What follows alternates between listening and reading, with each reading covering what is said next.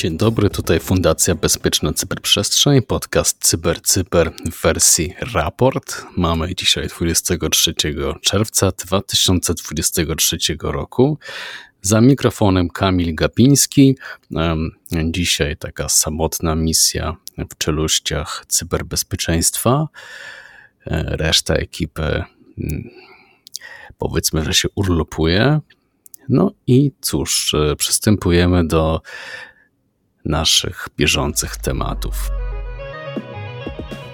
United Parcel Service informuje, że oszuści wydobywają numery telefonów i inne informacje z narzędzia do śledzenia przesyłek online w Kanadzie. Gang Ransomware Club, odpowiedzialny za wykorzystanie krytycznej luki bezpieczeństwa w popularnym narzędziu do transferu plików, zaczął publikować listę ofiar masowych ataków, w tym kilku banków i uniwersytetów.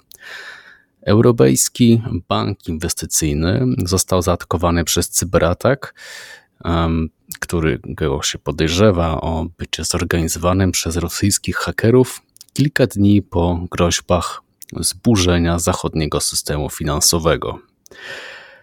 Keeper Security opublikował listę 29 najlepszych blogów i stron o cyberbezpieczeństwie, które warto śledzić w 2023 roku oraz interesujący artykuł Bruce'a Schneiera o sztucznej inteligencji i kontekście bezpieczeństwa. Zyxel wydał aktualizację bezpieczeństwa. VMware poinformował o aktywnym wykorzystaniu niedawno załatanej krytycznej luki.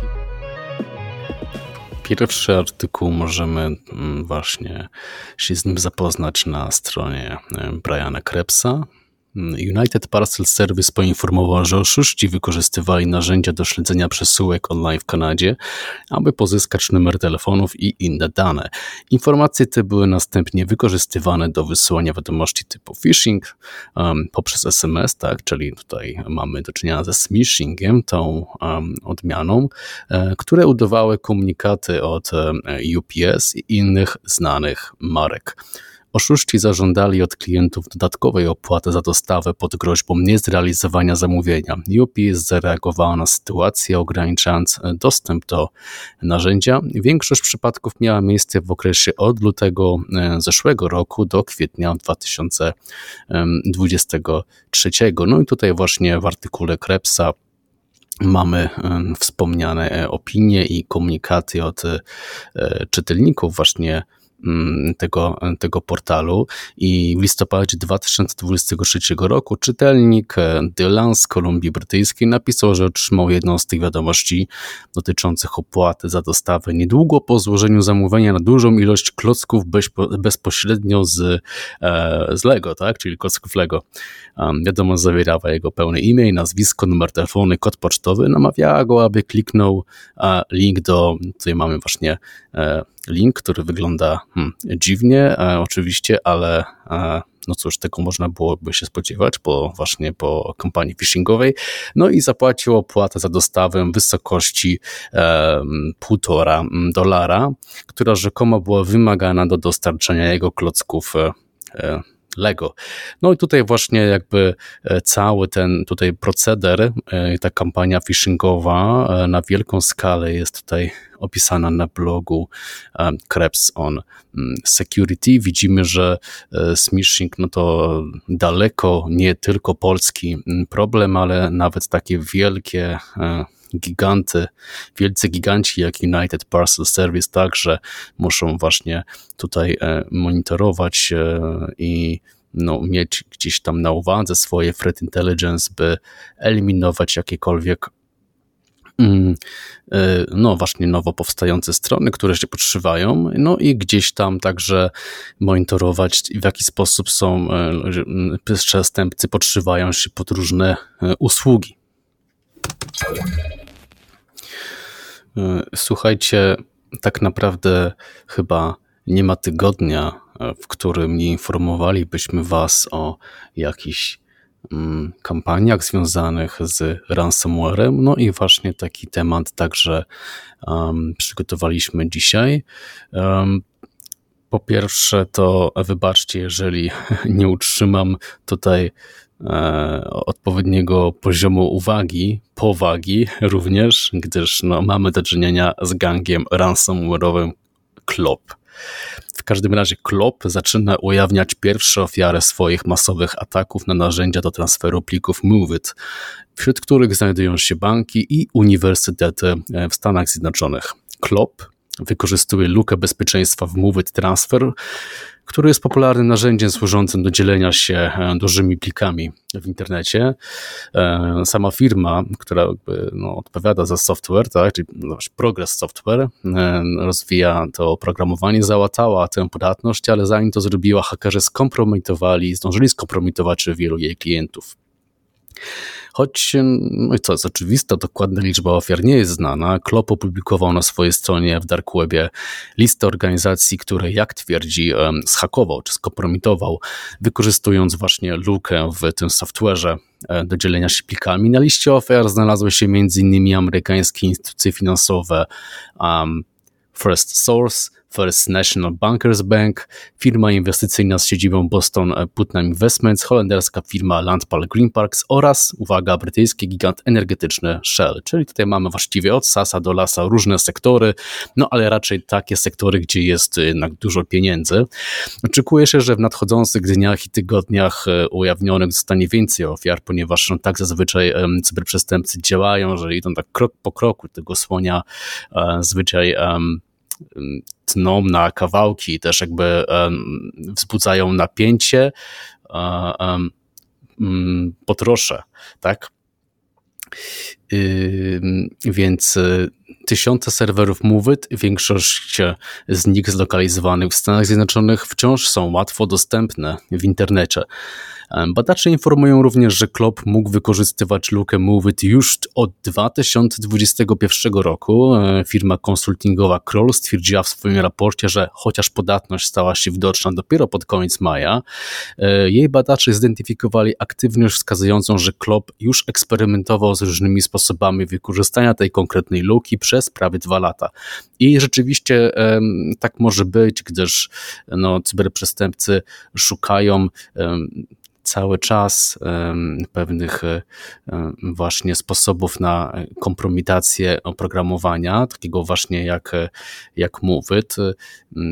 Szykują nowe narzędzia, organizują się i trwa to czasami właśnie miesiącami, do momentu, w którym trafią na odpowiedni moment, odpowiednie narzędzie, które da, da im dużo tutaj e, możliwości i oddziaływania e, no, tym cyberprzestępczym procederem. Co jakiś czas wracamy tutaj e, w naszych tygodniowych raportach do naszej serii e, Ukraina ACK, czyli analiza cyberkonfliktu. Prorosyjscy hakerzy zaatakowali europejskie instytucje bankowe, a wśród nich ofiar, e, wśród ich ofiar wymienili Europejski Bank Inwestycyjny. Grupa prorosyjskich hakerów Killnet poinformowała na swoim kanale w Telegramie, że zaatakowali infrastrukturę sieciową właśnie e, tej instytucji. E, Europejski Bank Inwestycyjny potwierdził te informacje, tweetując, że obecnie jest e, poddany tutaj masowemu atakowi, który wpływa na dostępność strony internetowej banku. Najnowszy atak prawdopodobnie jest związany z serią masowych cyberzagrożeń skierowanych przeciwko europejskim instytucjom finansowym przez prorosyjskich hakerów w odpowiedzi na europejskie wsparcie dla Ukrainy. Tak? Czyli tutaj taki aktywizm, y, powiedzmy, połączony z ukierunkowanymi atakami w ramach jakiegoś takiego, e, e, no nie jakiegoś, tak, tylko poważnego e, konfliktu, wojny. Tutaj właśnie mamy cytat z, z tego um, wpisu na Telegramie. Hello Europe. Jak idzie z systemem bankowym IBAN? Mam wrażenie, że coś z nim nie tak. Może system transferów jest dotknięty złą pogodą. Tutaj akurat e, trudno to e, bezpośrednio przetłumaczyć, chodzi o tak zwany taki idiom bad weather, e, a także synoptycy mówią, że nie tylko IBAN umrze, ale także SEPA, WISE czy SWIFT. Właśnie napisał w ten sposób Killnet. Trzy znane grupy hakerskie Killnet, Anonymous, Sudan i e, Revil który no, nawiązuje ta grupa do nazwy gry komputerowej Resident Evil, nieistotne, ogłosiły 16 czerwca, że będą się nazywać Parlament Darknet. Fraza ta niemal natychmiast pojawiła się jako e, pewien trend na Twitterze wśród analityków, analityków cyberzagrożeń i cyberbezpieczeństwa. 72 godziny temu trzej liderzy grup hakerskich z Rosji i Sudanu przeprowadzili regularne spotkanie w parlamencie Darknet i doszli do wspólnej decyzji.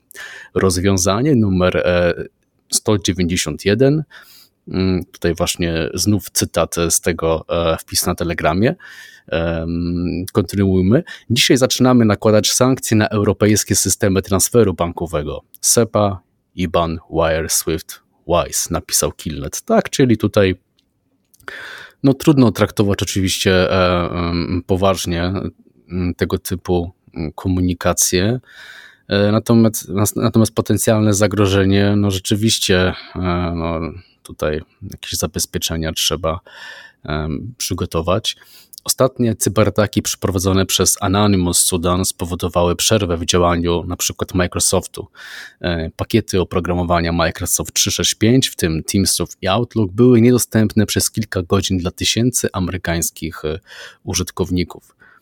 No i tutaj e, tak naprawdę mamy do czynienia właśnie na pewno w jakimś sensie z, e, ze, ze sponsorowanymi grupami, no ale na pewno e, służby rosyjskie nie utrudniają tutaj właśnie Killnetowi, czy Anonymous Sudanowi, czy Revil um, tych właśnie e, wysiłków w kontekście ataku na e, różne europejskie infrastruktury i organizacje, które bezpośrednio wspierają Ukrainie, Ukrainę w wojnie. Okej, okay. następny news. Mm, Teresa Rothar jest e, analityczką w Keeper Security i właśnie opublikowała bardzo interesujący materiał, gdzie zebrała najważniejsze jej zdaniem mm, blogi, strony, portale dotyczące cyberbezpieczeństwa, które powinniśmy śledzić w 2023 roku. Ja tutaj wymienię kilka z nich. To jest między innymi bez żadnego konkretnego porządku NextGov, Dark Reading. My często z Dark Reading korzystamy tutaj w naszych pracach. The Register, e, The Hacker News, Schneier on Security, Threatpost, Security Week, CISO Online, Security Intelligence, SANS-Block, Cyberscoop, CISA, Cyberwire, um, blog Grahama Clueya, Secure World News um, czy InfoSecurity Magazine. Jeszcze tutaj kilka, e, kilku nie wymieniłem, ale mm, oprócz tego, że warto z samą listą się zapoznać, no to może powiedzmy sobie, w jakim celu w ogóle takich listy używać. A więc e, no, można wykorzystywać oczywiście tę listę, by zrobić sobie taką listę fakultatywnych e, i obligatoryjnych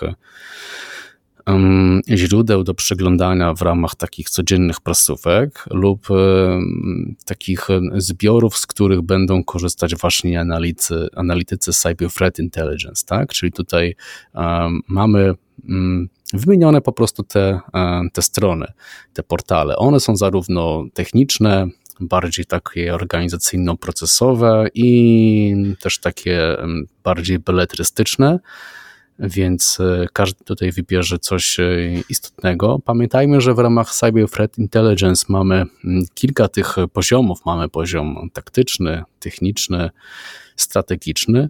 E, no i żeby na tych wszystkich poziomach dobrze się odnajdywać i produkować rzeczywiście wartościowe informacje w Threat Intelligence, no warto mieć taki pod ręką zbiór portali. Oczywiście to sobie można jakoś oskryptować, można korzystać na przykład z tych portali, no, fidując je do jakiegoś czytnika e, RSS, między innymi ja tak na przykład robię, E, można także e, korzystać z tych portali w kontekście identyfikacji nowych e, IOCs, ponieważ czasami przy większych analizach takie in, in, i wskaźniki kompromitacji się pojawiają. No i no tylko wtedy zawsze trzeba pamiętać o aktualności, tak, żeby one się często potrafią zmieniać. No i gdzieś tam fajnie, że ktoś zebrał tutaj te strony. Ja uważam, że one są wartościowe i ten wpis również jest wartościowy, gdyż no, gros tych stron ja znam i je um, używamy w ramach tutaj e, naszych e, prac, e, nie tylko związanych z samym podcastem, ale także bardziej takich tutaj naszych biznesowych projektów, czy w ogóle, tak, czytając o tym, co się dzieje w świecie cyberbezpieczeństwa. Więc kudos dla Teresy z keepersecurity.com. Dużo się dzieje wokół sztucznej inteligencji i modeli językowych na takim poziomie organizacyjnym, państwowym, no to e, Unia Europejska zaproponowała właśnie e, AI Act, który niedawno analizowaliśmy. E, no i tutaj trochę z innej strony, ale także w obszarze takim mm, powiedzmy społecznym i takiej odpowiedzialności państwa za bezpieczeństwo tych, tych rozwiązań, pisze Bruce Schneier w swoim najnowszym wpisie na blogu schneier.com. Blog tutaj, znaczy ten wpis nazywa się On the Need for an AI Public Option. Tak, e, no i tutaj najważniejsze tezy z tego bloga. Tutaj jeszcze może krótki e, taki wstęp, że ten e, wpis na tym blogu, on był jakby w wersji takiej e, rozbudowanej, opublikowany w magazynie mm, Foreign Policy. No i tutaj te kilka tez Wam przedstawię. Autor jest przeciwny pozostawieniu rozwoju sztucznej inteligencji wyłącznie w rękach e, małej grupy amerykańskich firm technologicznych. Tak? Mała grupa, duże firmy e, ponieważ no, byliśmy wcześniej rozczarowani, a rozczarowani takimi właśnie um, działaniami. No i mamy tutaj e, na myśli właśnie Google, Facebook czy Twitter. Inna teza, rozwój mocnych modeli języka e, AI, takich jak ChatGPT na przykład, e, jest niezwykle kosztowny, co skupia technologiczną ekspertyzę głównie w rękach e, niewielu dużych firm. No i tutaj właśnie Schneier wskazuje, że powoduje to utrzymanie oligopolu AI mimo prób zakłóceń poprzez finansowanie startupów. Tak wiemy teraz obecnie, że oczywiście Tutaj wiele e, firm, wiele przedsiębiorstw, e, startupów właśnie chciałoby też jakby w ten tort e, wejść, tak? Już jest jakiś kawałek z tego tortu dla siebie zabrać, ale no wiadomo, że te główne narzędzia to gdzieś tam właśnie czaty GPT, czy na przykład rozwiązania Microsoftu, czy teraz Google'a autorzy, tak, bo tutaj Schneier um, um, nie jest jedynym e, autorem pełnego artykułu, e, sugerują, że korporacje nie są jedynymi podmiotami zdolnymi do pokrycia kosztów um, szkolenia tych modeli na dużą skalę. I to jest właśnie ten AI public option, tak, z tego wpisu. Rządy również mogą to robić. Autorzy zwracają um, się o tak wyłączenie czy usunięcie rozwoju AI e, z wyłącznie prywatnych firm, tak? I przeniesienie również do sektora publicznego. No i tutaj jest jakby przywołany przykład Chin i Unii Europejskiej, które już jakby zdecydowanie posuwają naprzód rozwój e, artificial intelligence. Wydaje mi się, że to jest lekko jednak przesadzona opinia. Unia Europejska póki co oczywiście e, ważne, bo ważne, ale no stara się jakoś regulować ten obszar, wskazując na e, te rozwiązania AI wysokiego ryzyka. Co do Chin, tutaj trudno mi akurat się bezpośrednio e, odnieść. E, oprócz takiego moralnego argumentu przeciwko e, pozwalaniu prywatnym firmom na rozwijanie tych rozwiązań, istnieje silny argument ekonomiczny na rzecz tej publicznej opcji. opcji. A taki publicznie finansowany LLM mógłby służyć jako otwarta platforma do innowacji, pomagając każdemu przedsiębiorstwu, organizacji non-profit czy w ogóle tak, społeczeństwom e, w budowaniu aplikacji wspomaganej przez AI. No ja tutaj um, w ogóle jako e, prywatnie już jakby e, zwolennik publicznych usług i rozwoju takich usług uważam, że to jest, e, to jest świetny pomysł i chciałbym, żeby na przykład Unia Europejska mocniej tutaj się angażowała i finansowała też tego typu tego typu mm, jakby inicjatywy. Nie mówię, że tak nie jest. Myślę, że po prostu warto się tym zainteresować i nadal to taki rynek wspierać. No i taka jeszcze jedna teza rozważany model publicznego nabywcy, w ramach którego tutaj właśnie jest przykład, że Waszyngton, tak, Stany Zjednoczone licencjonują lub kupują prywatne modele językowe od Big Tech, od Big Techów jest niewystarczający nie zapewnia, że narzędzia one są zgodne z mm, priorytetami, tak, dla, dla społeczeństw, publicznymi priorytetami i że one są akurat odpowiedzią na publiczne potrzeby. I ja to rozumiem, gdyż no one jakby no nie były projektowane w ten sposób, tak, więc mają swoje naturalne ograniczenia już od um, zarodka, tak, tego typu um, rozwiązań. Um, Schneier tutaj e, konstatuje, że jest wola polityczna do podjęcia działań na rzecz rozwoju AI za pomocą środków publicznych, ale nie przykłada się to jeszcze na wolę stworzenia w pełni publicznego no, organu czy nie wiem, jakiejś struktury do spraw rozwoju AI.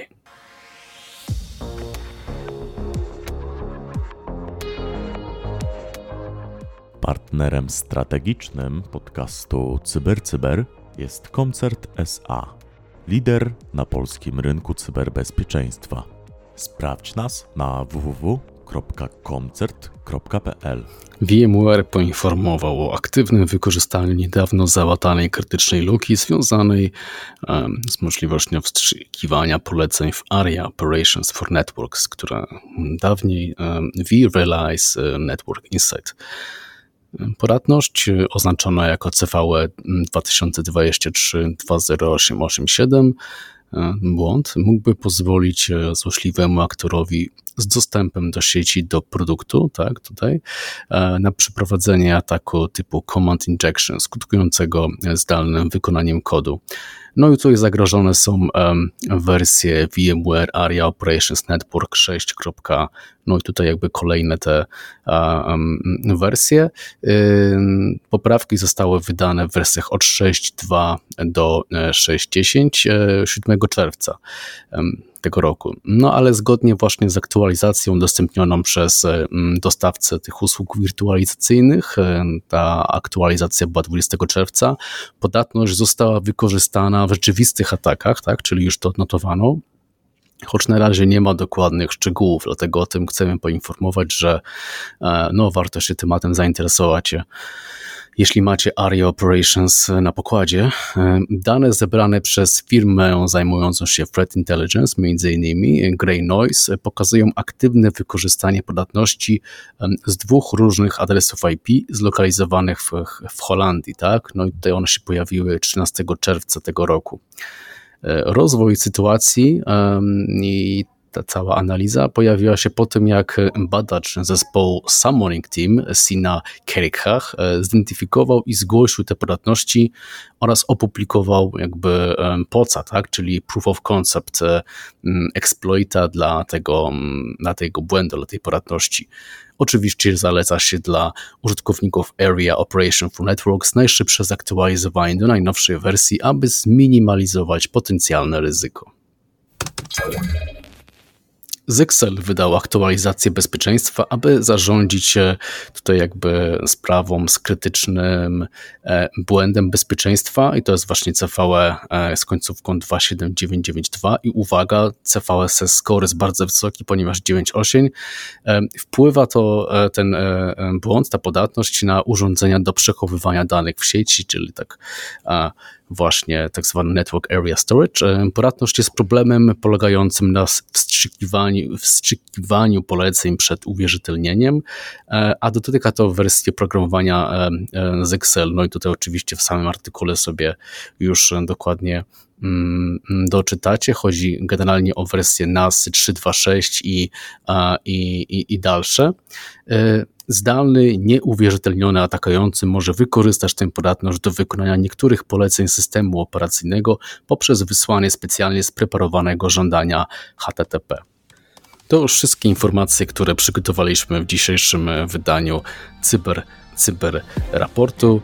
Trzymajcie się, bądźcie cyberbezpieczni i zapraszamy na nasze kolejne odcinki. Przed, za mikrofonem e, Kamil Gapiński. Pozdrawiam, cześć.